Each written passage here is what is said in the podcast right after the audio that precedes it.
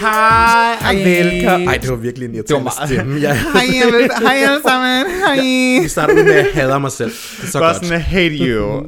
hate Hej alle sammen. Hej, og velkommen til Dragdronningerne. Hej og velkommen til Dragdronningen, Dragveninder, Dragsøstre og alle dragtøser. Ja, mit MK, navn ja. er Annie Rection, men uh, du kan bare kalde mig for Tykke Tina. Fordi episode. Og mit navn, Og mit navn er Brunhilde, men du kan bare kalde mig Brunhilde. du kan bare kalde mig Buttet Brunhilde. That's kind of cute. Jeg kan godt lide det. Tina, den tog mig bagfra. Altså, det vil være næsten... Hold Jo. Shit, it. Velkommen til Dragdronningerne. Ja, I har nok læst, hvad titlen øhm, handler om i dag. ja. Vi skal snakke om den gode dejlige krop. Den krop, der har været med os siden fødslen. Fuldstændig. I hvert fald, medmindre du er Kylie Jenner og køber dine spare parts i løbet De af dit jo, liv. de findes jo, hvor de køber, de som detox, der mm-hmm. har fået til, altså hvis krop egentlig kun er syv år gammel, fordi der er tilføjet så mange nye Godt være, hun er i 30'erne, men der er altså hendes brystpartier, der tror jeg kun er 17. Ja. Siger det bare. Jeg så også en meget, meget sjov, jeg så en sjov TikTok. Mm-hmm. I know, jeg, Shocking. jeg er ikke kommet på TikTok, men det ved, nogle gange så bliver de delt på Twitter og alle ja. andre steder. Og så er der en pige, der sidder, og hun ligner meget Kylie Jenner. Og så sidder hun, og så sidder hun og siger sådan, hun svarer på et spørgsmål. Ja. Og så siger hun sådan, nej, jeg ved godt, der er mange af jer, der siger, at jeg ligner Kylie Jenner. Nej, jeg er blevet født med det her ansigt. Hun købte hendes for syv år siden. Den, den, I think I actually I like that Og one. den var så sådan, uh, uh, wow, coming for her throat. Virkelig. Men ja, så vi skal snakke om uh, kroppen i dag, både, kan man sige, det gode og det dårlige. Det lyder underligt Det at gode, sige det. Ja, både med pus og med kærlighed. Ja, fordi ja. Det, er, det er et emne, jeg tror, alle kan nok relatere til, at man på mm-hmm. et eller andet tidspunkt har følt noget omkring sin krop. Om det så er positivt, negativt, kropsidealer, vi kommer igennem det hele skat. Ja, fordi alle har, alle har jo en krop, kan man sige, og mm. alle føler noget om deres krop. Mm-hmm. Og alle har taget kampe med deres krop. Ja, præcis. Det er jo, så det er, jo, det er jo et meget sådan folkeligt emne på en eller anden måde. Det er det, og jeg tror, vi har, vi har snakket om, om vores kroppe og vores øh, billede på os selv. Det har vi, tror jeg, vi har snakket om i sådan forskellige afsnit. lidt fast, lidt ikke? løst og fast. Men jeg mener ikke, vi har haft et decideret afsnit, der handler om, nu skal vi, nu skal vi snakke om kroppen. Nej, har vi Hvis, hvis vi ikke. har, så sendt det lige til os, vi har nok glemt det. For jeg spurgte Brunhilde, da vi skulle snakke om, hvad for et emne vi skulle se, så siger hun sådan, vi kan snakke om kroppen, og så siger jeg sådan, "Jamen, det har vi da snakket om. Og så siger hun, nej, Vi har bare snakket lidt løst. Vi har snakket lidt her om det, og vi har snakket lidt der om det. Ja, det- Men vi har aldrig rigtig snakket helt om det. Men det er nok derfor, jeg sådan, ja, jeg føler, vi har snakket om det, men vi ja. har ikke deep divet Nej, helt ind i det. nej. Helt ind i laktose. Men man kan sige, før vi deep diver helt ned i den kropslige laktosegrotte, Mhm. mm-hmm. så har det jo lige været Pride uge, og det kan vi jo komme udenom lige at vinde. Det kan vi ikke komme ud Det var jo en Det har været lige. så fedt. Like, ja. wow. Det, Ja. det, har, det, har vir- det har været meget anderledes Pride. Mm. Jeg tror, det selvfølgelig, jo, det havde da været meget federe. Hvis vi alle sammen kunne have mødtes på Rådhuspladsen, og vi kunne have festet, og der været 30.000 mennesker, og alt det der, der nu hører sig til, og man kunne have gået i paraden, og ja, det havde da været federe. Men Jeg ved ikke, om det har været federe. Tror du, synes du ikke det? I am like, I have an opinion. Mm-hmm. I have an Ja, opinion. jeg, ved, jeg, jeg tror godt, jeg ved, hvad den er. Jeg ved, og ved, den er spicy, men jeg synes også, den er fair. Jeg synes faktisk, det har klædt Pride'en at være mere politisk, og mere sådan aktiv, altså mere til de der, tage debatterne først og festen sidst. Mm. Jeg synes, det har klædt den, fordi det er rigtig tit, at man ser sådan folk, du ved, der, der bare kommer fra feste, mm. og så glemmer man lidt det aktivistiske, fordi man kan sige, der er jo behov for en mere aktivistisk Pride-bevægelse. Det er derfor, vi har Nørrebro Pride, som jo dybest set er den aktiv, den, det tætteste på den originale Pride, vi nogensinde har haft jo. Mm. Øh, eller når jeg siger original Pride, så mener jeg den fra Marsha P. Johnson og Stonewall og alt det der back then. Det, det, altså, vi har et behov for det netop, at sætte det politiske først, og jeg synes faktisk, det har klædt Copenhagen Pride rigtig meget, at det politiske del lige kom først. Jeg tror ikke, det har været med deres gode vilje, fordi de vil jo gerne have festen, og fest er jo også det, der ligesom giver kapital, mm. til man kan fortsætte sit aktivistiske arbejde. Det bliver vi Ja. nødt til at anerkende. Man bliver nødt til at tage det hånd i hånd. Man, bliver kan ikke, man kan ikke kun gøre Nej. enten det ene eller det andet. Nej, og det, synes, og det er også det, jeg synes rigtig tit, der er mange, der har et unuanceret blik på, når de, når de som repser priden for at være kom- kommercielt. Mm.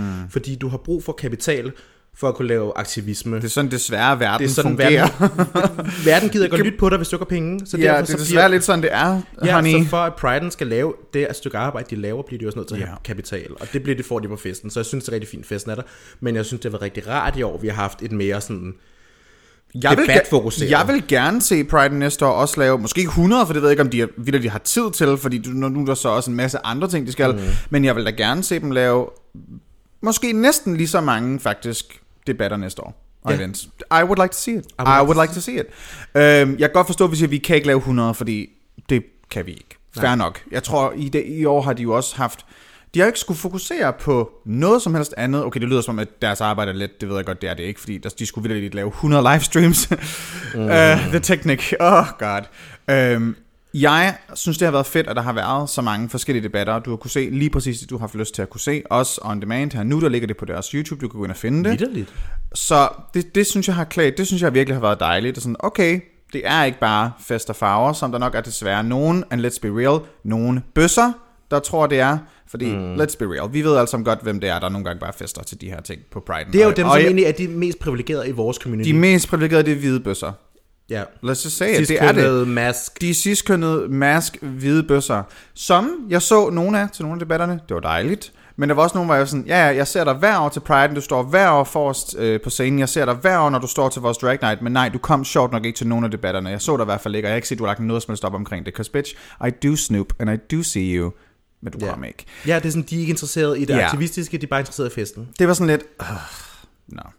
Men Pride skal jo også være en ting, som, som skal omfavne alle. Og hvis der mm. er nogen, der måske er berøringsangst og ikke kan lide at snakke, og være, måske hvad kan man kalde det at være konfliktsky, det ved jeg ikke, om man kan, hvis man ikke kan lide at snakke om hårde emner, så er det sådan måske noget, du skal bearbejde, Og finde ud af, hvorfor du ikke og finde ud af, hvorfor kan du ikke lide Ja. at måske snakke om din egen seksualitet, hvorfor kan du ikke lide at snakke om, at der findes transkønnede mennesker, hvorfor kan du ikke lide at educate yourself. Mm. Har det noget at gøre med, at du føler dig, føler dig meget mere tilpas i din ignoranthed? Let's be real. Yeah. Det er nok det, egentlig lidt det, det handler om. Jeg synes, det klæder, jeg synes, det har, det har været dejligt, at Pride'en har haft meget fokus på aktivisme. Jeg synes dog stadig, at næste år, vi må stadig godt have lov til at feste. Ja. Vi må stadig godt have lov til at have det skide sjovt, så længe vi bare husker grundbudskabet i Ja. årsagen til, at vi overhovedet kan. Nemlig, og det er det, jeg synes nemlig, der var med i år. Der var ligesom den der essens af, Ja. vi husker også bare det faktisk, Deres at Hall of alle til Fame, den- altså, der hang en Hall of Fame, ja. Hele, det, hele det element, synes jeg, var meget sådan, vi anerkender, hvad vi kommer fra. Fordi Ja. det var sådan, det er vigtigt at anerkende, specielt i en tid nu, hvor der er så meget øh, op at vende omkring racisme. Det har jo altid været op at vende, men nu er det fremme. Nu Det har været rigtig meget det sidste halve år, så er det specielt vigtigt at med Black Lives vi, Matter. vi står på ja. skuldrene af sorte transkvinder. Mm-hmm, mm-hmm. Det er det, vi gør. Mm-hmm. Og det skal man huske at anerkende, fordi også til dem, som ikke føler sig repræsenteret i Copenhagen Pride for eksempel. Ja, ja. I den kommercielle Pride. Mm. Føler sig overset der. Og det er også vigtigt at huske. Men det synes jeg faktisk, det synes jeg, de gjorde meget for i år. Jeg, mm. jeg synes, der var seriøst nærmest alle emner, jeg kunne i hvert fald komme i tanker om. Jeg var ikke, der var ikke et emne, som jeg savnede faktisk. Nej. Der var ikke noget, hvor jeg tænkte, hvorfor snakker de ikke om det? Men Men der man- var noget om, om trans rights. Der var noget om at kunne adoptere børn. Der var noget om øh, den debat, du var med Jamen, i, øh, tykke. tyk og queer. Ja. Der var sgu noget om det hele. Der var noget om drag. Der var noget om det hele. Det virkede, det var rigtig well-rounded år, synes jeg. Mm. Men man kan sige, hvis jeg stod længere ude, eller længere bag i køen af øh, privilegier, kunne det være, at jeg måske havde et andet perspektiv på det. Ja, Det, kan så det, det kan man være. selvfølgelig Ja. altid lige have med i tankerne. Men Ja. jeg synes, fra mit point, point of view, synes jeg, det var rigtig well-rounded, og jeg synes også, det var skønt at se, at Sabar var inde over rigtig mange af deres ting, Ja. og, og LGBT Asyl fik deres laks og sådan noget, og det var altså så, fortjent. så fortjent. Oh my god. Der var, der var gode ting, der skete. Ja. Det var dejligt. De var jo ligesom os, var de jo også Pride-værter LGBT. Øh, var det LGBT Asylum, eller var det så bare, der havde folk inde, og også var værter? Øh, Så bare havde rigtig mange værter. Jeg ved i hvert fald, Ja. ja. de havde en uh, debat om skam, som jeg også selv var med i. Ja, okay. Skal vi lige rundt, hvordan har alle de her debatter været? Hvor mange debatter var du rent faktisk med i? Fordi you were booked and blessed. I was, jeg tror, jeg flyttede ind på Pride Square nærmest, men jeg var der jo nærmest. Altså om onsdagen havde jeg to, om fredagen havde jeg tre. Øh, mandagen sad vi og lavede noget, så det var kun lige tirsdag Mhm. og torsdag, sådan, så det fri til at forberede mig og lave noget andet og sådan noget. Og det var jo... Ellers så var jeg Mhm. ja, jo hvor, hvor der så også var... Du, ja, altså du... Fordi du havde jo ikke fri tirsdag. tirsdag oh, det tager jeg igen. Kort det fra, for jeg ved, at der skal klippe det her. Og gør det den her gang. Hver gang. By the way, nej, lad være med at det fra. Fordi vi har det med, når det er mig, der redigerer afsnittet, så, du ved, så cutter jeg fra, hvis vi lige fumler over eller sted. Hvis at det er Britt Hilde, der cutter det, så får det ikke lov til bare at blive. Det bliver også skruet op for. ja, præcis. Ja, okay, du lavede, du lavede i det afsnit, for ikke sidste afsnit, men forrige afsnit, der, lavede, der var du sådan, da, da, da, da, da, da, og så var jeg sådan, klipper det ud, kopier, dobbelt op, Ja. så kører det, så du vil... Ja. Oh my Honey, god. Nå, det jeg prøvede at sige, det var, du havde jo ikke fri om tirsdagen om torsdagen. Den brugte du faktisk til at forberede endnu mere Ja. af, hvad du ligesom skulle i løbet af den her uge. Ja, fordi udover at... Jeg kan lige så godt sige det, fordi jeg, kom, jeg, fik, jeg fik aldrig et callback. Men udover Nå. at jeg sådan... Udover at jeg skulle til alt det her med Pride, så havde jeg også en audition på det kongelige teater, Ja. hvor jeg ikke fik et callback. Men, Men, det her, bitch, du var stadigvæk valgt en ud af hvor mange? der var 500. Bitch. Det er fucking sindssygt. Og hvor mange var det, der var ind til audition? 25 havde det, Det taget er ind. fucking i orden. Jeg kan ikke matematik, men det er en lille procentdel af- af 500 i hvert fald. Ja, sådan Hvad er det? Hvad er 25 af 500? Skat, jeg skal til at læse samfundsvidenskab. Jeg kan ikke matematik. Bitch, we don't do numbers. Hvis I ved det derude, øhm, så ved I det. Øhm, Tillykke. Tillykke You can do math. Lad være med at sende det til os, vi, vi er ligeglade. Vi bliver forvirret af tal. Hvis vi ser et tal i det fjerne, så bliver vi bange. Jeg bliver på PTSD, når jeg bare ser store tal, og nogen, øh, nogen der bare sådan, min, min sleep paralysis demon vågner bare op en gang, man siger bare sådan, primtal. Og jeg have Min, min store frygt er jo at komme gående en mørk aften ned ad en gyde. Og der så er bare beder om at der- regne. Ja. Kvadratrod. Kvadratroden er minus 4. Oh my god. Anyway, du var med til en masse gode debatter. Hvilke, Ja. Okay, hvis du skal highlighte kun en af dem. Jeg ved godt, du var med til hvad? Var det fem i alt? Ja. ja. Hvis du kun må vælge en, hvad gjorde mest for dig? Altså, personligt? jeg har jo øh, et specielt plads i hjertet for drag for begyndere. Ja. Men det er også fordi, jeg laver den sammen med Chantal, og hvis der er noget, Chantal kan. Hun er jo underviser, og hun er øh, kunsthistoriker og sådan noget, så hun har en rigtig intelligent hoved. Chantal er klog. Chantal har jo, altså, Virkelig hun, er jo, hun er jo klog. virkelig intelligent. Så når hun ligesom går i gang med at snakke om at være drag, og tager det ligesom et historisk perspektiv med i det, og et, og, et, og et samfundsvidenskabeligt perspektiv med i det, for det gør hun. Mhm. Der er bare et eller andet skønt ved at høre, om hende, altså, høre hende snakke, fordi når vi laver Drag for Begynder workshop, så er det jo hende, der snakker, fører ordet, og så spørger hun nogle gange ind til ligesom, du ved, elementer, når jeg Ja. står og laver på, den, på, vores, på vores victim. Vi har et offer, og vi står og maler til. Hun er the ringleader. Hun, hun, hun er, er fantastisk. god Hvis der det. er også noget, jeg vil highlight for hele den her Pride. Hvis du, hvis du sidder derhjemme og tænker, hvad skal jeg lave to timer, så skal du se det, den video ind på Copenhagen Pride's YouTube-side, som der hedder øh, Pride, Pride Studio, Studio. Friday 1.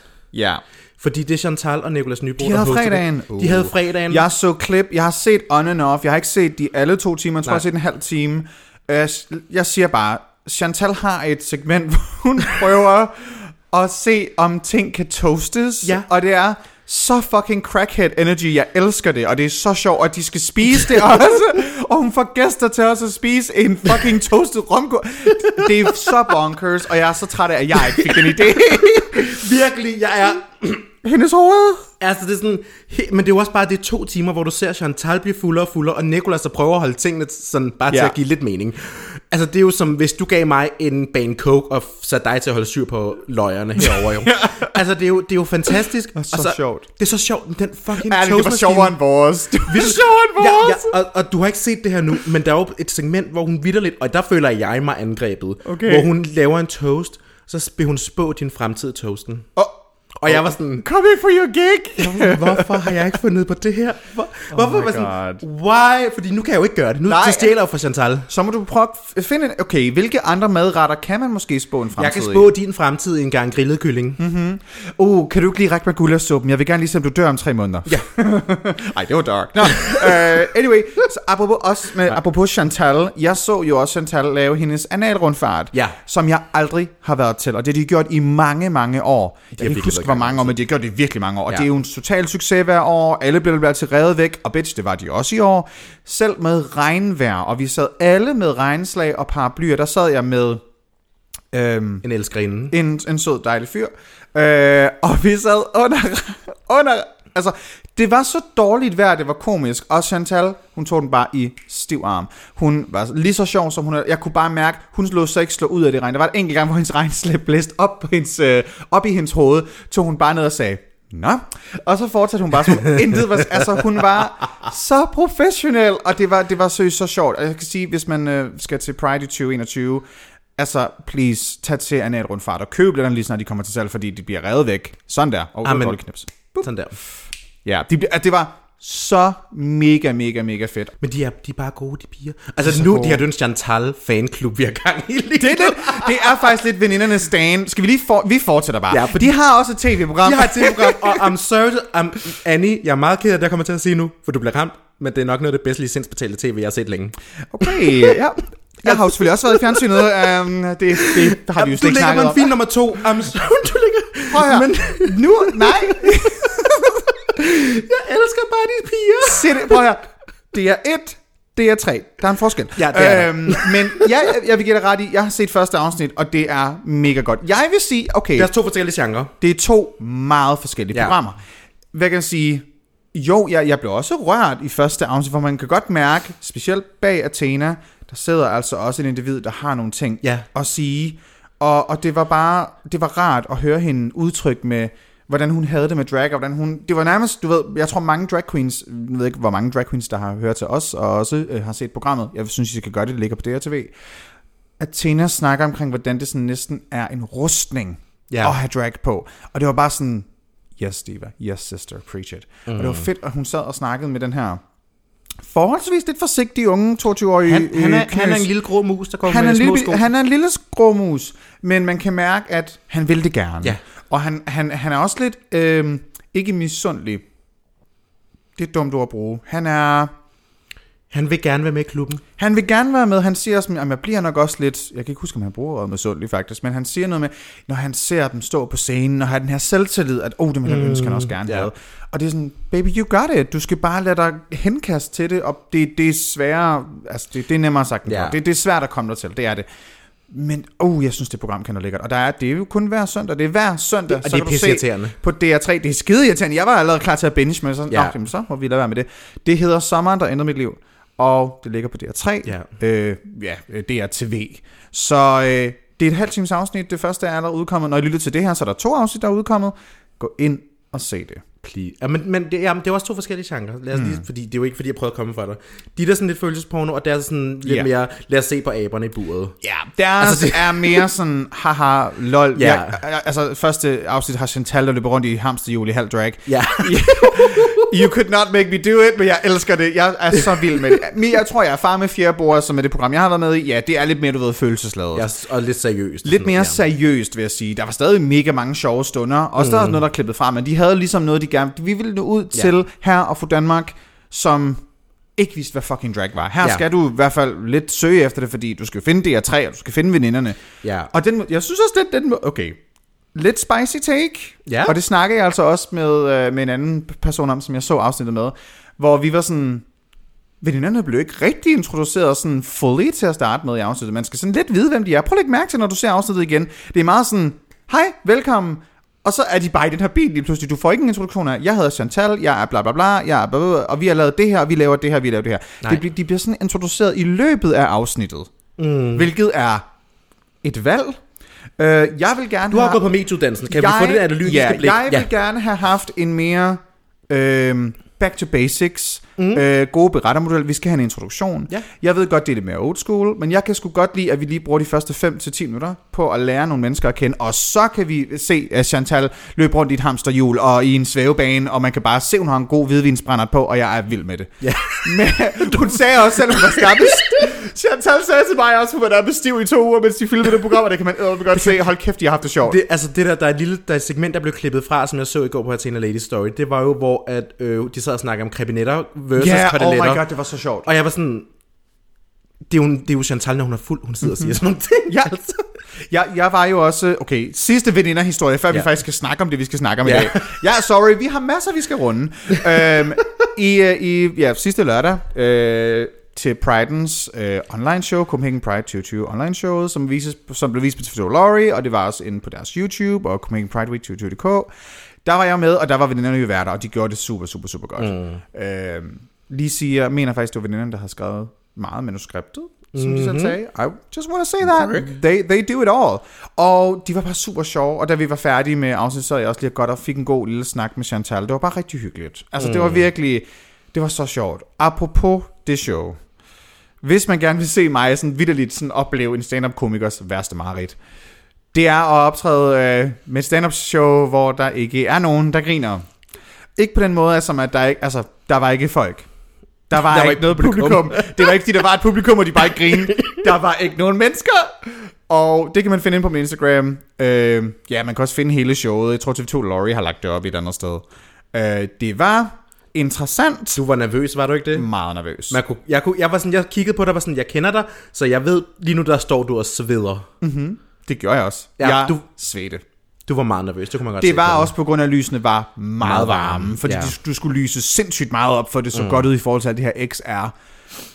But girl, jeg stod på den scene i så fucking 6 minutter, og det var stadig varmt. Altså, det var virkelig varmt. Så jeg har været sådan lidt, Betty, hvordan kunne du gå igennem længere tid end mig, og du dansede også. Hvordan var du ikke ved at dø af sved? Hun- Jeg ved også, Betty ejer ikke svedkirtler. Betty ejer ikke svedkirtler, nej. Det, det, det er ikke det, hun sub- subscriber til. Hun har fået dem fjernet. Hun har fået dem fjernet. Ja, hun, hun spurgte sådan, nej, kan jeg ikke bare få dem fjernet? Kan jeg bare få dem væk? Ja. Jo. Øhm, nej, by the way, bare lige give et mega shout-out til, til Betty Bishop. Jeg synes, hun gjorde det sindssygt, sindssygt, sindssygt godt. Jeg synes virkelig, Bettys show, altså det var dejligt. Jeg vil gerne have flere ansigter i selve det der XR med Bettys ansigt. Jeg vil gerne have Ja. bare, hun skulle have haft en masse af sit eget ansigt, der dukkede op. Det Det, kunne være skønt. Men det havde hun ikke, men jeg synes faktisk, at show var rigtig skønt. Jeg Det var sådan, så jeg dejligt. Hele det XR-show var jo fantastisk, og jeg vil sige sådan... Hvordan var det at se showet, ja? Fordi du var jo ikke booket til det. Nej, det er fordi, jeg kan noget originalt øh, materiale, ligesom øh, have 95% af Danmarks drag artister. Øh, T. Jeg tror, det er derfor, de ikke... Altså, jeg havde tænkt sådan, hvorfor bookede de ikke bare, du ved, en drag medley på den tidspunkt? Vi kunne da sagt But til honey, lip en copyright, masse ting. copyright. Og det var nemlig lige præcis på grund af copyright til musik. Det Men- er fucking dyrt at købe. Men det er der nogle mennesker, der ikke forstår, som er derfor blevet sure. Men det er jeg ikke en af, fordi jeg forstår godt copyright. Ja. Um, lad os lige få den på det rene. Lad os lige sige årsagen til, at der ikke blev booket en masse, der var og lip sync og queens, og folk var sådan, hvorfor har vi ikke Drag Night? Øh, fordi hvis du skal vise øh, kommersiel musik i fjernsynet, er det meget dyrt at købe Ja. øh, licens. Og kan I så lige forestille, hvis der er øh, 20 queens, der er lige...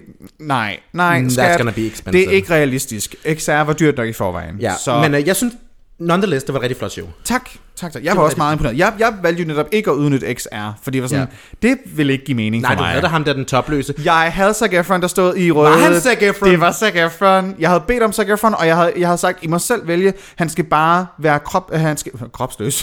han skal bare være til topløs. Han skal bare være topløs. Det var det eneste, jeg bad om. Var det så, fordi jeg kiggede på ham og var sådan, hvorfor står Tom Daly der? Ej, ej, så muskuløs. Tom Daly er en twunk. Efron er hunk. Kan vi lige... Kan vi lige få lov til at putte folk ind i kasser, som vi ikke har bedt om? Ej, det var ikke Tom Daly, men det var nogle meget, meget... Altså, det, billedet, som de havde brugt, har jeg så set efterfølgende, at det er et, et billede, der er taget af ham i forbindelse med, at øh, de lavede en uh, genindspilning Af Baywatch, Baywatch, ja, tak. hvor Zac Efron var med, og det var det et billede derfra, hvor han var rigtig hunk. Øh, det er der, hvor de havde det fra. Jeg havde håbet, det til var fra et mere nyere koncept. han Det der med lavet. jordkloden. Aha, hvor han er ude at rejse, hvor han er meget behåret. Det jeg meget hellere se på. Det, altså, ej, han er dejlig der. Mhm. Det, som jeg lidt har problem med der, det er folk, der er sådan, Zac Efron har fået sin dad bod, og jeg er sådan, hvis det er en farkrop, Stop. Oh my stop. God. Skal Ja. vi, altså det, jeg er bare sådan, stop med at kalde Zac Efron for en farkrop, fordi Jeg har godt set det er en det. virkelig un- unattainable farkrop. Der er kun én person, hvor jeg er sådan en kendis person, hvor folk har sagt, han har en farkrop, hvor jeg er sådan, ja, det har han faktisk. Pratt- Prattley? Chris Pratt, Ja. før han blev ripped. Lige præcis. Han havde faktisk det, man ville kalde en farkrop. Det der- To be honest, jeg synes, han var, han var mere nuttet før. Det der, hvor han går der på stranden, Ja. han har lige vand op til lige under knæene, mm-hmm. og han går der med sin mave fremme, og bare Ja. ser virkelig, altså, ej, jeg elsker. Han er, han er nuttet og buttet. han er nuttet og buttet, og ved du, hvad han også har? Mm-hmm. Han har en stor sko. Har han det? Jeg tror, hvis jeg ikke tager meget fejl, så er han en størrelse 47. Wow, okay, så er der en, der er hugt her. Nå, Jeg- vi er faktisk lige at tage en pause. Vi har snakket i alt for lang tid, og når vi kommer tilbage, så tror jeg, vi skal snakke om kroppen. Ja, så Ja. tager vi direkte segway ind i kroppen. Jeg elsker sådan, de første 25% af vores podcast er bare gået med, at vi bare rambler løs. Men hey, Om Chantal. bitch, det her det er en Chantal Stan podcast nu, så get used to it. vi kommer tilbage lige om lidt.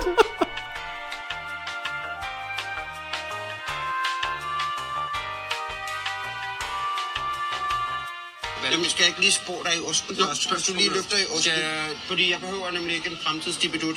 Jeg skal bare se på den smeltede ost. Jeg er jo autodidakt. Oste spåkone.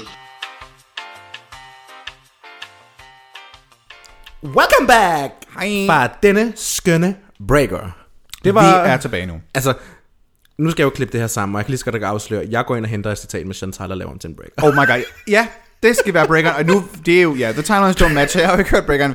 Vi, vi, vi har jo ikke breakerne lives, når vi sidder her. Nej. Det er jo noget, vi gør i uh, post-production. Uh. Uh, som by the way også er os. Vi laver alt selv. Bare lige hvis du er ny. og ikke lige ved sådan, nå, hvem må have klippet det her møg. Det er stadig også.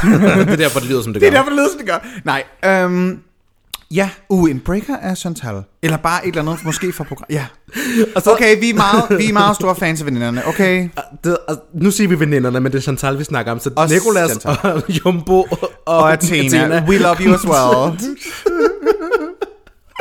oh my god. Nå. Apropos Jumbo og store kroppe, øhm, så skal vi jo snakke om kroppen i dag. Og det er jo et dejligt element.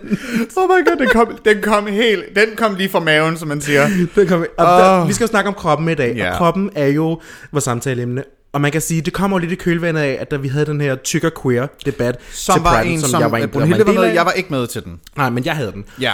Og det var første gang, vi har haft noget omkring tykaktivisme i et pride-henseende, fordi det har tit været sådan lidt en overset element af det her med, med kroppen i queer-sammenhængen. I hvert fald i, i Danmark, synes jeg. Der okay. har der aldrig rigtig været samtale omkring. Har der ikke det? Nej, fordi wow. det er meget over sådan den der... Hvorfor er der så meget fat-shaming i vores queer-miljø? Hvorfor er vi så alle sammen opsatte på at være ripped og skinny mm. og twinky og sådan noget? Hvorfor er det, der er sådan den der gay fat, straight skinny? Ja, og det, det, det, de problemer skal vi løse i podcasten. Dem skal vi nej, løse i dag. vi løser det i dag. Vi har svarene til jer. Øh, Og vi har det 20 har, minutter. Vi, det har vi ikke svaret på. Vi har ikke svarene på alt det her med, hvor, hvorfor... Jeg tror, det, det er et længere, en længere samtale, hvis man, hvis man skal forklare, hvorfor findes der fat shaming, period. Mm. Men hvorfor der er så meget i LGBTQ plus miljøet, let's be real nok mest inden for bare Gays? gay-miljøet. Jeg ved, vi kan jo selvfølgelig ikke udtale os, om der er fatshaming inden for øh, the trans community og the lesbian community. Det ved vi jo egentlig ikke, fordi det... Man kan sige, de issues, der er inden for, når det snakker trans-community i forhold til kroppen, så er det jo det der med øh, den hyperfeminine krop, eller hypermaskuline krop, der Ja. hvor at ofte... Der var jo en transmand med til en af de debatter, som jeg øh, var med til. Det var den debat, der hed Femme, Fabulous and Male. Mm-hmm. Øh, og han snakkede også lidt omkring det der kort, meget kort, omkring sådan kropsidealer i forhold til øh, transmænd, at ofte var det meget hypermaskulint. Og ja. meget sådan, at alle de transmænd, som han ligesom øh, fulgte på Instagram, var han lidt nødt til at unfollow, fordi de altså gik meget i- op i at være ripped, og være muskuløse, og være den der øh, hypermaskulint ideal body. Er det det, man også, og, uh, er det det, man også kalder passing? det, det, er jo meget, det, er jo, det er jo meget det, der spiller ind i det der med ja. Ja. at netop at passe. Så mm. man kan sige, Det er, jo ikke alle trans, det er jo ikke alle transpersoners, hvad hedder det, ønsker at passe. ønsker at gøre. Men det er de manges, jeg tror, at den, den største del af dem vil gerne passe i mm. society, så de behøver at blive sådan mindet om deres transness hele tiden.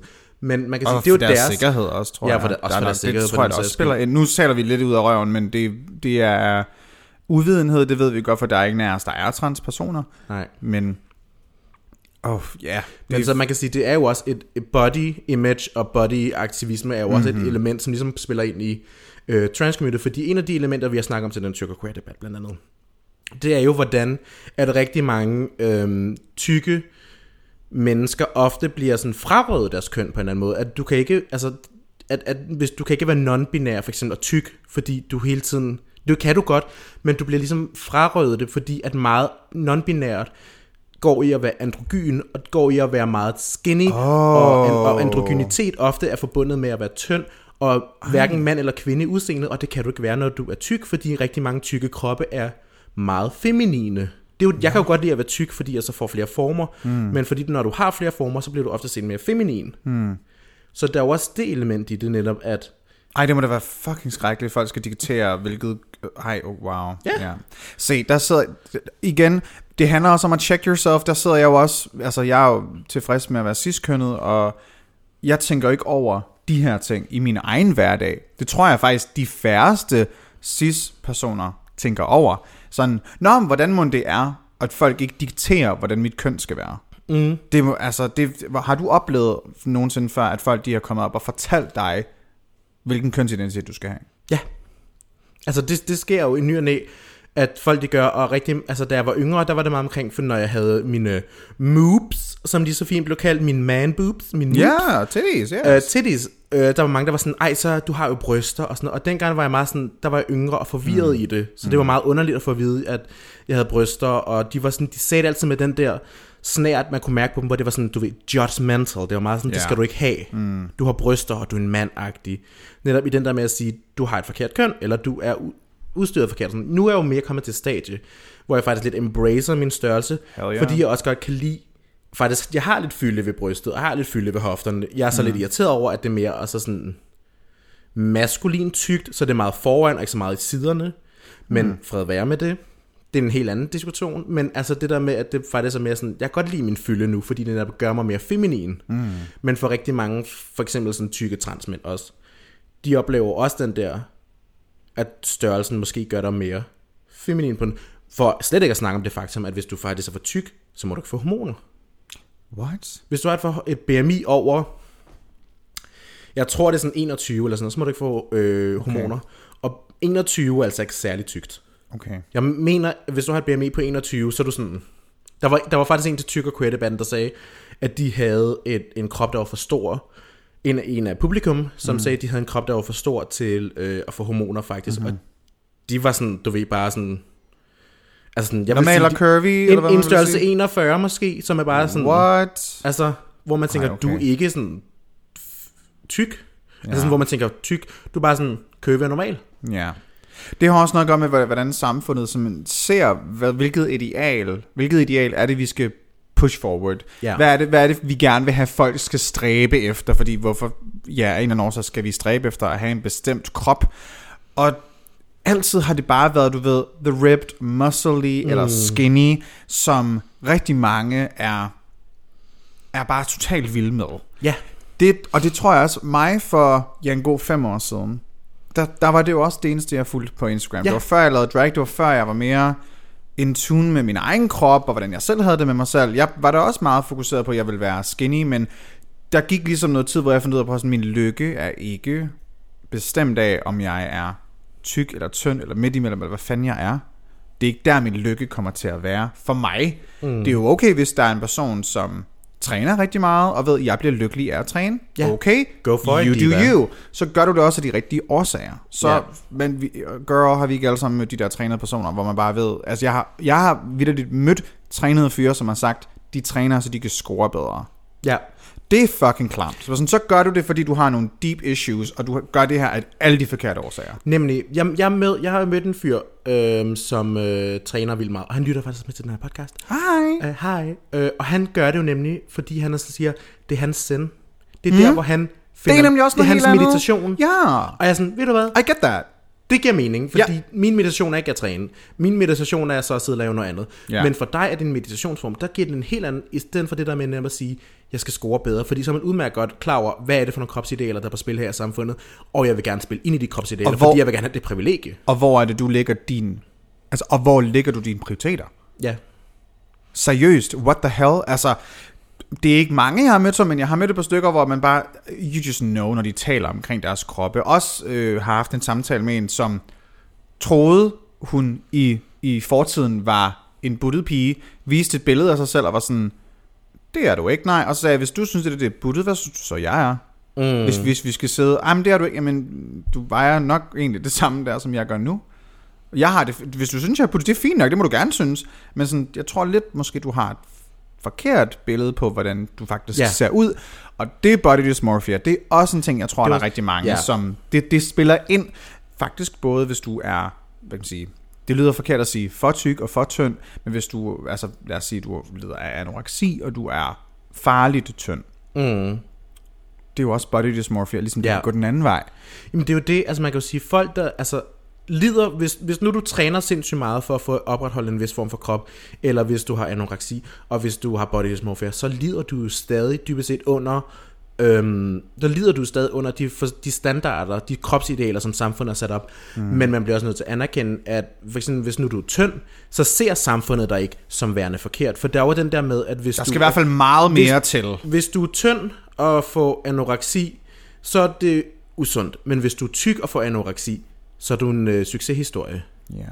Og det skal man også... Altså det der med... Det kan godt være, at du ser dig selv som værende for eksempel buttet, og du så er tynd og det der. Mm det, det skal du arbejde med, at din body dysmorphia fortæller dig, at du er tyk, men samfundet ser dig stadig som værende tynd, mm. og det er stadig der, hvor fordelen ligger, fordi du vil ikke blive set som at være forkert i samfundet. Der er aldrig nogen, som vil gå op, nogen der vil gå op til dig og slå øh, sandwichen ud af hånden på dig, hvis Nej. de så dig spise. Nej. Det vil de, hvis du er tyk. Det har, så der er stadig forskel. Et shout-out også til Miss Privilege, der havde øh, for nogle måneder siden en, øh, hun havde noget på sin Instagram om onsdagen, hvor hun havde sådan nogle talks med forskellige mennesker. Og jeg har simpelthen glemt, hvad navnet er på den kvinde, som Miss Privilege snakkede med. Jeg kan simpelthen ikke huske, hvem det er nu.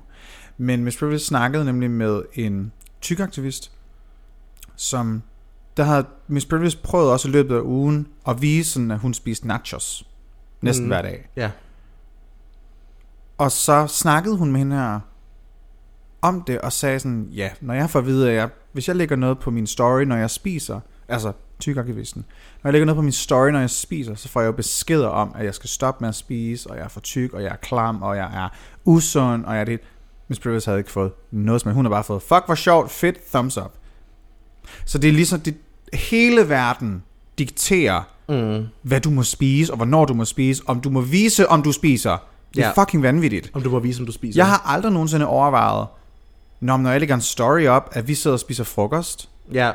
hvordan nogen ser på mig, og også, vi fik endda det samme. Jeg ved ikke, altså, der er bare nogen, som fucking bare skal holde deres fucking lorte meninger for sig selv. Virkelig. Virkelig, bare sådan keep your mouth shut. Men det er jo det, det der er mange, der sådan, du ved, har en opinion om noget, og så tror de, man skal sige den. Og specielt, når det gælder andre menneskers kroppe. Bare, hvis man, nogen, hvis man har den tanke, uanset hvem det er faktisk, lad være med nogensinde at gå og sige til folk, at de ikke skal spise. Ja. Kan vi bare sådan, skal vi bare sige det? Lad være med at gå til tyk mennesker og sige, at du ikke skal spise et eller andet. Bare lad være med at prøve at dirigere ved andre folk. Ja. Med, mindre, med mindre personen vidderligt betaler dig for at styre deres kost, så holder du fingrene fra deres buffet. Præcis, hvis du er kostvejleder, så er det selvfølgelig okay. Hvis du er betalt kostvejleder til at dirigere, hvad de spiser. ja. Gud ja, for der er også mange kostvejledere, som ikke er betalt for det, der lige slider ind i DM's, ikke? Ja, mm-hmm. det er honey. Det Og du ved mig. godt, hvem du er. Og der er også mange. Ja. Der har været en del. der har været en del, hvor de har været sådan, ej, skal jeg ikke lige give dig et råd om de kostvejleder? Nej, Nej, og jeg har øh, man har lyst til at bare skrive tilbage, spurgt. Sport, ja. Men honey, people got Ja. that. Fucking fucked up. Men ja, det, det, ja. Hvordan har du det egentlig, hvis vi sådan skal tage et sådan bredt emne, hvis man bare siger, hvordan har du det med din krop? Jeg har det rigtig godt med min krop. Jeg har sluttet fred med min krop, Oh, som er et take me to that. teknisk Jeg har sluttet fred med min krop. Mm-hmm. Der er jo i det, øh, vi snakker kropsaktivisme, så er der jo to forskellige modpoler. Der er det, der hedder body positivism, og så er der det, der hedder tyk liberation, eller fat liberation, Ja. som er to forskellige øh, idealer. Jeg er nok mest i den, der hedder kropspositivisme, men jeg kan se fordelen ved fat liberation. Mm-hmm. Jeg er nok bare ikke så meget ind i den del af det. Mm-hmm. Kropspositivisme handler netop om, at man slutter fred med sin krop, og man elsker, lærer at elske sig selv. Og man, Uanset og hvad, man, gætter Og man ligesom, ja, man lærer at elske sig selv unconditional, som Ja. man vil med en partner, der også har fejl. Det der med, at man ligesom indgår et, i en romantisk relation med sin egen krop. I subscribe to that. Det kan jeg godt lide. Den idé, den, jeg kan godt lide den, fordi det giver mig rigtig meget, men der er mange, der sådan siger, men du kan ikke tvinge folk til at elske sig selv, og det er rigtigt nok, du kan ikke tvinge folk til at elske sig selv. Og hvis du har svært ved at elske sig selv, så kan det være rigtig uoverskueligt at skulle begynde at elske sig selv. Når det så er sagt, så synes jeg, body positivisme kan rigtig meget, mm. men vi har brug for fat liberation, fordi fat liberation er ligesom den del, der mere er sådan det aktive. Det er der, hvor man går ind og siger, der er diskrimination af tykke mennesker i sundhedsvæsenet, der er diskrimination af tykke transpersoner i CKI, fordi de må ikke få mm-hmm. piller. Det skal vi arbejde imod. Altså, hvor de aktivt går ind... der er bare dejligt meget baggrundsmelodi. Der er meget beep og boop og alt muligt.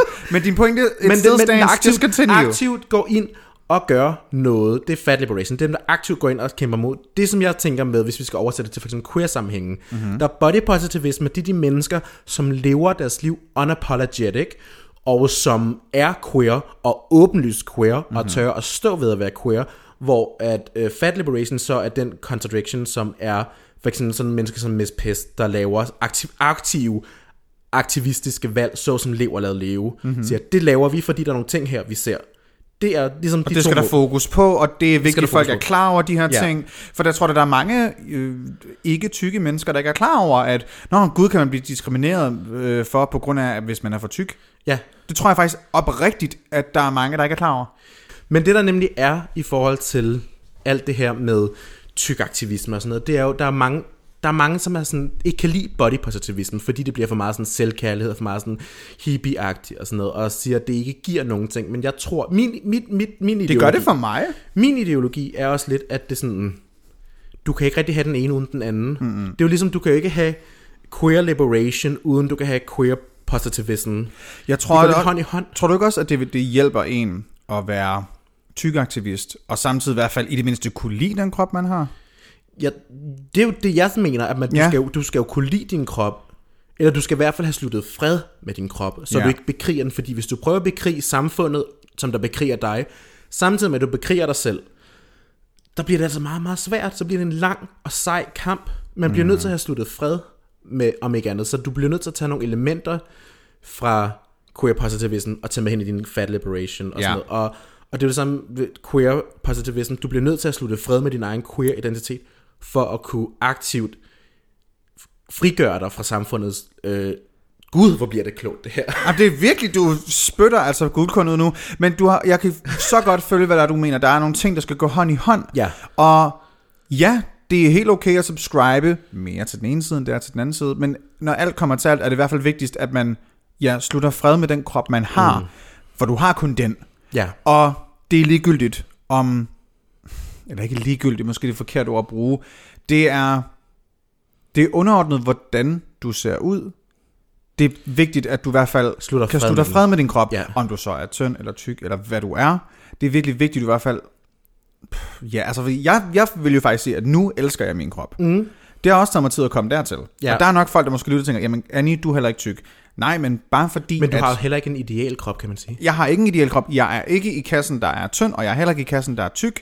Jeg har tit, det har vi også snakket om i den afsnit. Ja. Jeg har nogle gange været sådan lidt, hvilken kasse passer jeg ind i? Så kan man jo så tale omkring, hvorfor skal du passe ned i en kasse? Det ved jeg ikke. Jeg har, det har jeg det har man bare i hovedet, ikke? At, Ja, at man vil gerne have et folk, jeg man vil, vil gerne have en passe tribe. ind på en eller anden måde, og så må man måske lave den kasse, som der måske ikke allerede er i forvejen. Ja. Men jeg har en ganske almindelig gennemsnitlig krop. Jeg er ikke tyk, og jeg er ikke tynd. Men jeg kan da stadigvæk godt se, at der er andre, øh, jeg tror, jeg mærkte det på et tidspunkt med en queen, der sagde sådan, "Nå, men så kan du bare låne den her af mig, og så siger jeg bare sådan, skat, skat, det, det kan jeg jo ikke. Altså, jeg er jo større, end du er. Så siger, "Ej, nej, det er jeg ikke. Prøver den på, kan ikke engang lukke den. Mm. Og hvor det var sådan, det var først der, hvor den person også var sådan, Nå gud, ej, tror ikke, du var, jeg tror ikke, du var så stor. Var sådan, det er jeg. Og det var ikke, det var ikke et read, det var ikke ledet at sige sådan, jamen det er jeg. Men tror bare, at, at det, det er nok svært at se, medmindre jeg tager mit tøj af. Ja. At jeg har en lille mave, og de her ting, hvor at, det kan jeg godt lide nu. Nu, altså, det, det har bare taget mig tid at komme dertil. Men det er jo det, det er jo, du har jo en krop, som mange mennesker stadig vil slås med. Altså, mm. du har jo en krop, hvor folk stadig vil slås med den, og, tænke, og ikke føle sig tynde nok. Ja, ja, jeg forstår stadigvæk godt mit privilegie i, mm. at jeg tror, samfundet, heterosamfundet, er jeg nok, jeg, jeg tror det, er, man vil kalde for straight, skinny, gay, Gay gay fat. fat. Ja. Og det er måske noget, der lyder sjovt for nogen, men det er faktisk rigtigt, at inden for homomiljøet, der, der skal du, altså det, ekstremerne er hyldet mere. Ja. Så det vil sige, det er ikke nok bare at være normal tynd, hvis man kan sige, det er ikke normalt bare at have en, hvad kan man sige, det man siger, gennemsnitlig BMI, eller normal BMI, eller hvad man nu vil Du skal kalde være det. twinkie. Du skal enten være Twinkie, for du så, altså endnu tyndere, for du kan få lov at passe ned i den Ja. her kasse. Hvor jeg har nogle gange tænkt, "Jamen, så passer jeg måske mere herover. Nej, fordi du er heller ikke en bærer, fordi det er jeg jo heller ikke. Nej. Så sådan, der, det har været svært at navigere rundt for mig. Men har ligesom fundet plads øh, og ro i, at sådan, jeg er den, jeg er, og det er fint nok, og jeg elsker mm. den, jeg ser ud. Jeg, skal, jeg er stadigvæk skide lækker, who cares? Men forstår også godt mit privilegie i, at som du selv siger, der er stadigvæk folk, som vil slå ihjel for at have min krop. Ja, og man kan sige, der er også et, et helt basalt privilegie, såsom at du kan gå ud og finde tøj i en butik. Lige præcis. Det er jo også, altså det er jo også noget, tit man overser. Mm-hmm. Det er jo også, når vi snakker øh, kropsaktivisme og sådan noget, så er der også forskellige de fire levels af tykkness, og det har jeg snakket om mange gange. Jeg elsker ordet infinifat. Jeg synes, Ja, det er så dejligt, det har vi snakket Og der er jo de her fire forskellige levels. Levels 1, level 2 og level 3 og level 4. Ja. Skal vi snakke mere om det, når vi lige har taget en pause? Det skal vi. Vi skal lige have en breaker mere, og så kommer vi tilbage. Oh my god, du spytter guldkundet. I love this. vi er tilbage lige om et sekund. Vi er ligesom et sekund.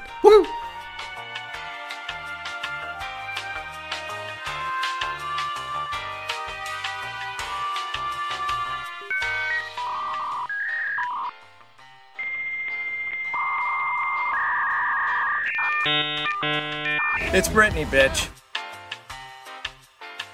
We're back. We're back. Back. We're back, fatties. Nej, nej, nej, det, siger, det kan man ikke sige. Eller, okay, hvordan har du med... Det, okay, vi kommer tilbage til det, vi lige var ved at snakke om før, Breaker. fatness Der er fire level of fatness. Du Men. har sagt til mig også på et tidspunkt, fordi jeg før i tiden havde også lavet nogle, øh, nogle jokes om, at du var tyk. Ja. Og det gjorde jeg på scenen, hvor at, det synes jeg var sjovt. Du var også bare sådan, jeg kender dig, jeg synes det er sjovt. Men problemet er ikke, hvad vi to i privaten synes er sjovt. Ja. Fordi når jeg siger det på en scene, så siger du til alle mennesker. Ja. Og det, det, det har jeg lige sådan skulle forstå sådan, okay, man kan godt lave jokes om alting. Det synes jeg stadigvæk godt, man kan. Men du skal stadigvæk være klar over, der er ingen grund til at gøre folk kede af det. Og når folk kommer til dig og siger, det synes jeg ikke er nice, så i det mindste bare lyt. Ja. Det var det bare lige Det var det. Men, men ja, men hvad hedder det?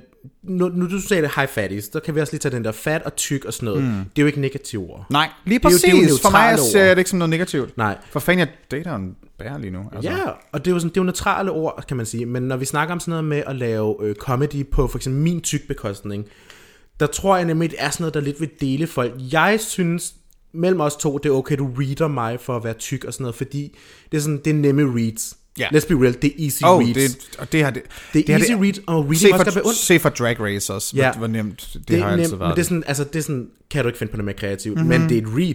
Mm. Og reading må godt være onde, det har vi også, altså for eksempel, uh, Trixie Mattel har jo fået meget modvind, hvor hun har readet uh, for eksempel um, Latrice Royale, ja. med nogle undertoner af nogle racistiske ting og sådan noget. Så man kan sige, der er jo mange, der reader med, jeg siger ikke det, okay, hun reader racistisk, men jeg siger bare, at der er mange, der reader, men hvor man tænker, det er under bæltestedet, der sparker du nedad Ja, lige i din humor. Der, så det er noget, der findes, og jeg tror, det er svært, fordi... Jeg kan jo selvfølgelig ikke sige, det er okay, Trixie reader for racisme, fordi jeg ved.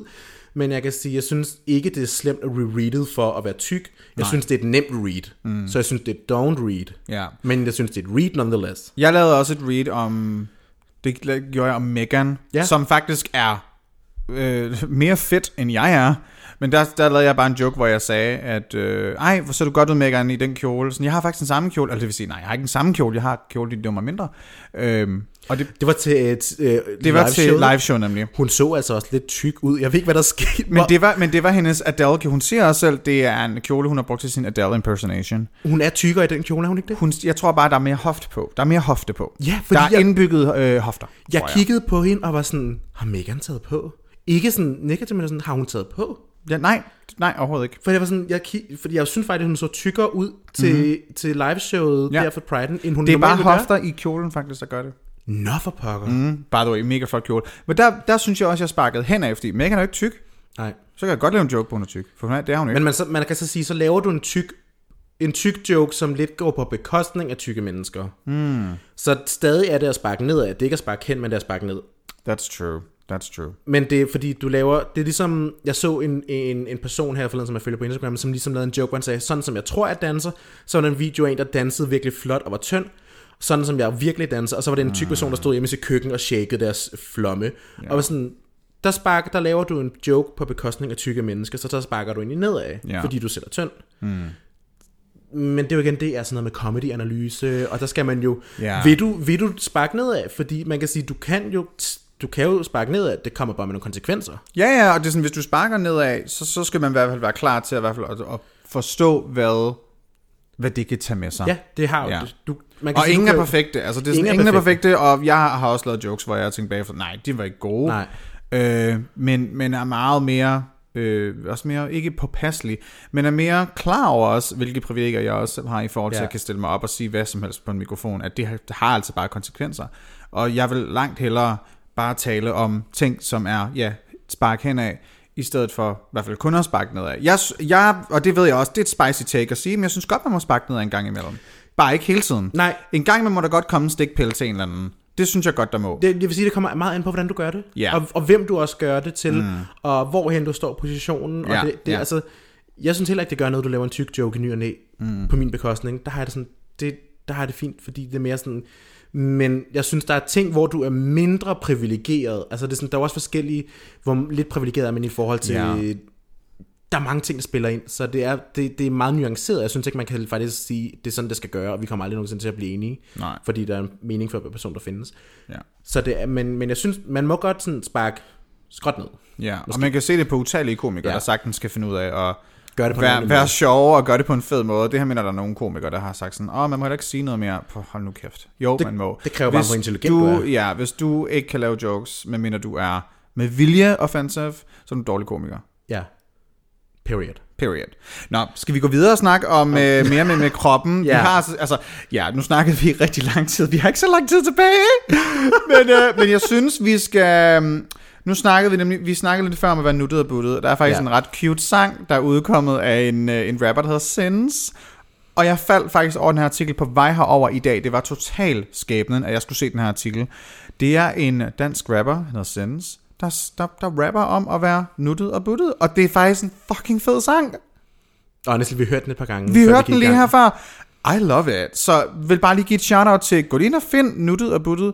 Og han siger sådan, det kan godt være, at jeg er buttet, men jeg er stadig i topform. Var sådan, ja tak. Altså, Ja, tak. I love that.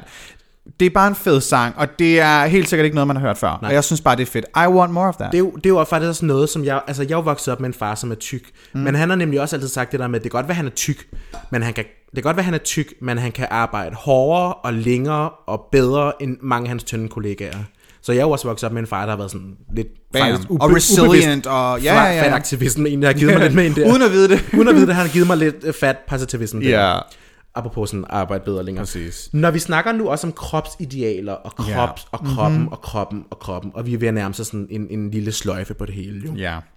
så uh, har vi jo et lille segment, hvor vi sådan skal jo ligesom sådan gode råd, og hvordan bliver man tilfreds. Ja.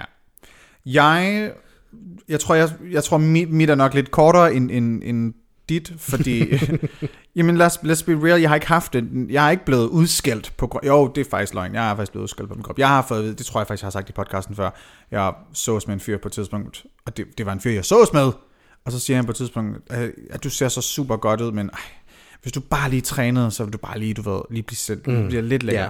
Og så sagde jeg, nej, jeg ser fin ud, som jeg gør nu. Tak skal du have. Nej, nej, det er ikke det, jeg mener. Jeg var sådan, jo, jo, jeg har hørt tydeligt, hvad du sagde. Du sagde ordret, at jeg vil være lækre, hvis jeg trænede. Så dine idealer er, at jeg skal have en sixpack, så synes du, jeg er lækre. Det er også okay at have den mening. Du skal bare ikke fucking luften til mig, når jeg ikke har fucking spurgt dig. Mm. Altså, hvis jeg nu har spurgt, synes du, jeg ville være lækre, hvis jeg var trænet? Og han sagde, ja, det synes jeg. F- Godt, så har jeg åbnet en samtale, så har vi snakket Ja. om det. Men sådan, jeg har vildt ikke spurgt, om det er mening til min krop. Og i takt med, at jeg også er blevet mere sådan okay med sådan, jamen jeg, det, kan godt være, at jeg ikke passer ind i en kasse, men jeg er stadigvæk glad for den måde, jeg ser ud på. Mm. Og nu har jeg en meget, meget sød fyr i mit liv, som jeg har altid haft med min mave, fordi det er sådan, det er sådan jeg har ikke en stor mave, jeg har, jeg har ikke en lille mave. Det er meget underligt. Jeg har bare en normal krop, og, jeg, og så sagde han bare på et tidspunkt sådan, jeg kan faktisk rigtig godt lide din mave, det er en af mine yndlingsting ved dig. Det var bare sådan, okay, you know Ej, what? dejligt. Det er fandme dejligt. Og det vidste jeg jo allerede godt med mig selv. Jeg havde fundet ro i mig. Jeg havde sluttet fred med min egen krop og tænkt, jeg synes, jeg ser dejlig ud, jeg ser lækker ud, y'all bitches can't just take it. Fuck jer, yeah. jeg ser ud, som jeg gør. Men det var alligevel rart at høre, at der var en anden person, der sådan sagde, mm. men den her ting, du faktisk nok havde lidt svært med, det kan jeg godt lide ved dig. Ja, Ikke at man skal blive, ikke at man skal sådan, du ved, vægte sin egen lykke på, hvad andre siger til en. men det er rart at blive anerkendt. Men rart at blive anerkendt, nu Ja. hvor jeg netop havde hørt det modsatte, mm. så var det meget rart at høre sådan en, ah, okay, tak. Og blev ligesom mere sådan bekræftet i, ja, selvfølgelig kan jeg sagtens være lækker, uanset hvordan jeg ser ud. Ja, fordi det er jo også sådan, det snakkede vi nemlig også om til den der debat, der er sådan noget med omkring, når det gælder fetisering af Mm. den tykke krop. Fordi der er jo nogle folk, der tænder vildt på tykke kroppe. Ja. Øh, og der er rigtig mange, som så henvender os så til os og prøver sådan, ej, må jeg ikke se et billede af din krop, og må jeg ikke...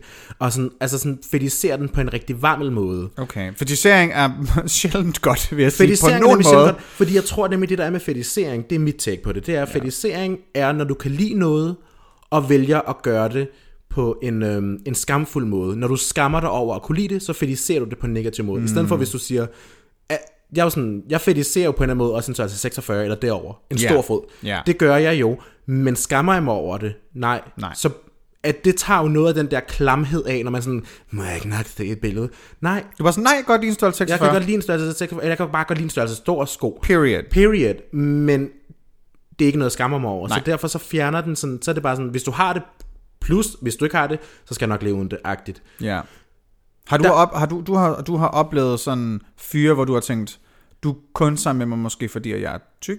Jeg har oplevet folk, som der har været sammen med mig, og så skammet sig over det bagefter, har man oh. Åh. De har sådan, de tændte på mig, fordi jeg var tyk, men de skammede sig over, Over, det de samtidig. tændte på det. Så det var sådan det, der hedder en choppy chaser, som jo er nogen, der fetiserer dig på en negativ måde. Jeg har også oplevet faktisk, at jeg var sammen med en, hvor man kunne mærke på ham, han tændte på den tykke krop, Ja. men han skammede sig ikke over det. Så han var bare sådan... Det er nemlig noget andet. Det er noget helt, det er to vidt forskellige ting, mm-hmm. og jeg har det sådan, jeg synes ikke, man skal snakke om, du må ikke fetisere mig.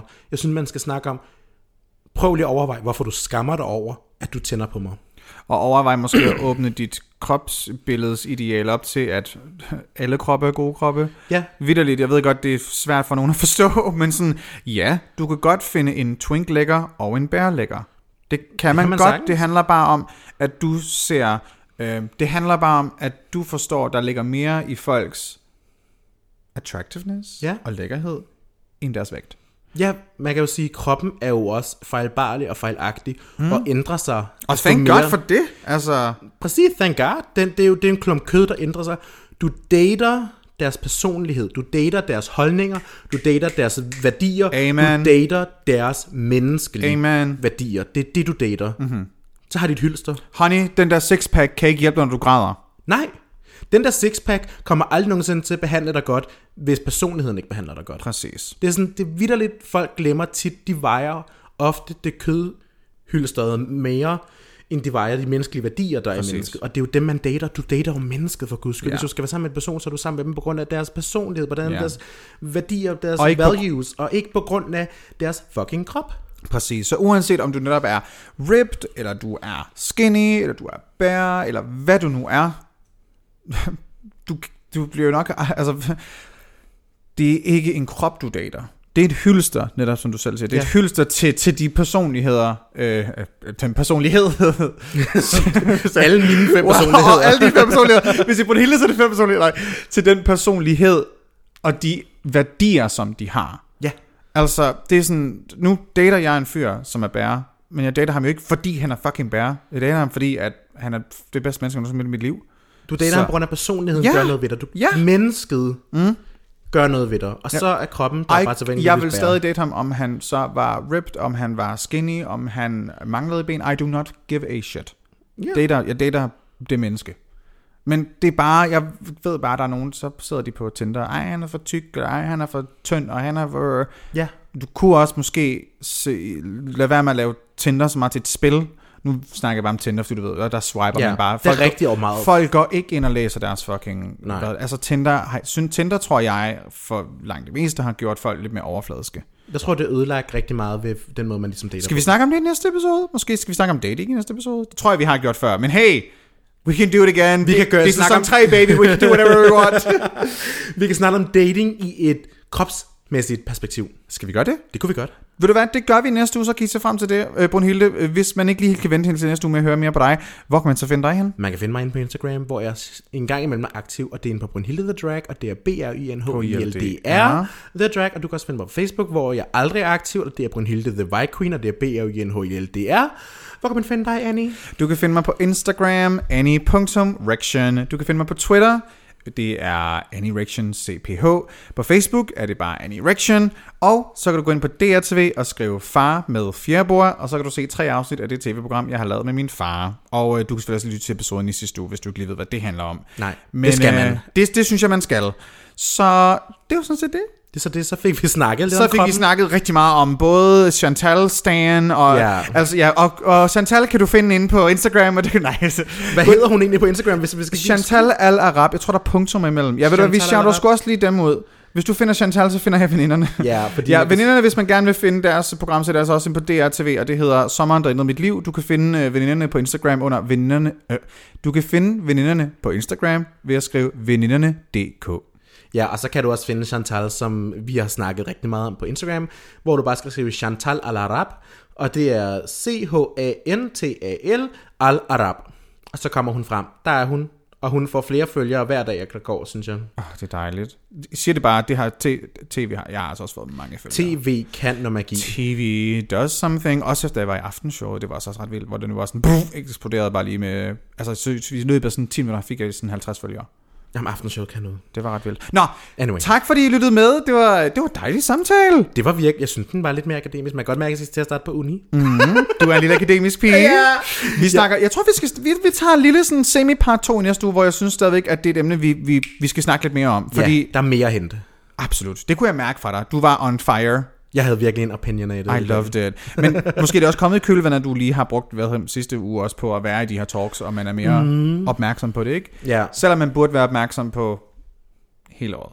Man burde jo være det hele året, lige være sådan lidt mere skarp og, og, og, og reflekteret omkring sin position i verden hele året. Kan man så sige, at alle kroppe er gode kroppe? Alle kroppe er gode kroppe, og husk, du dater personen, ikke kødhylsted. Præcis. Flyv sikkert, møsbøs. Thank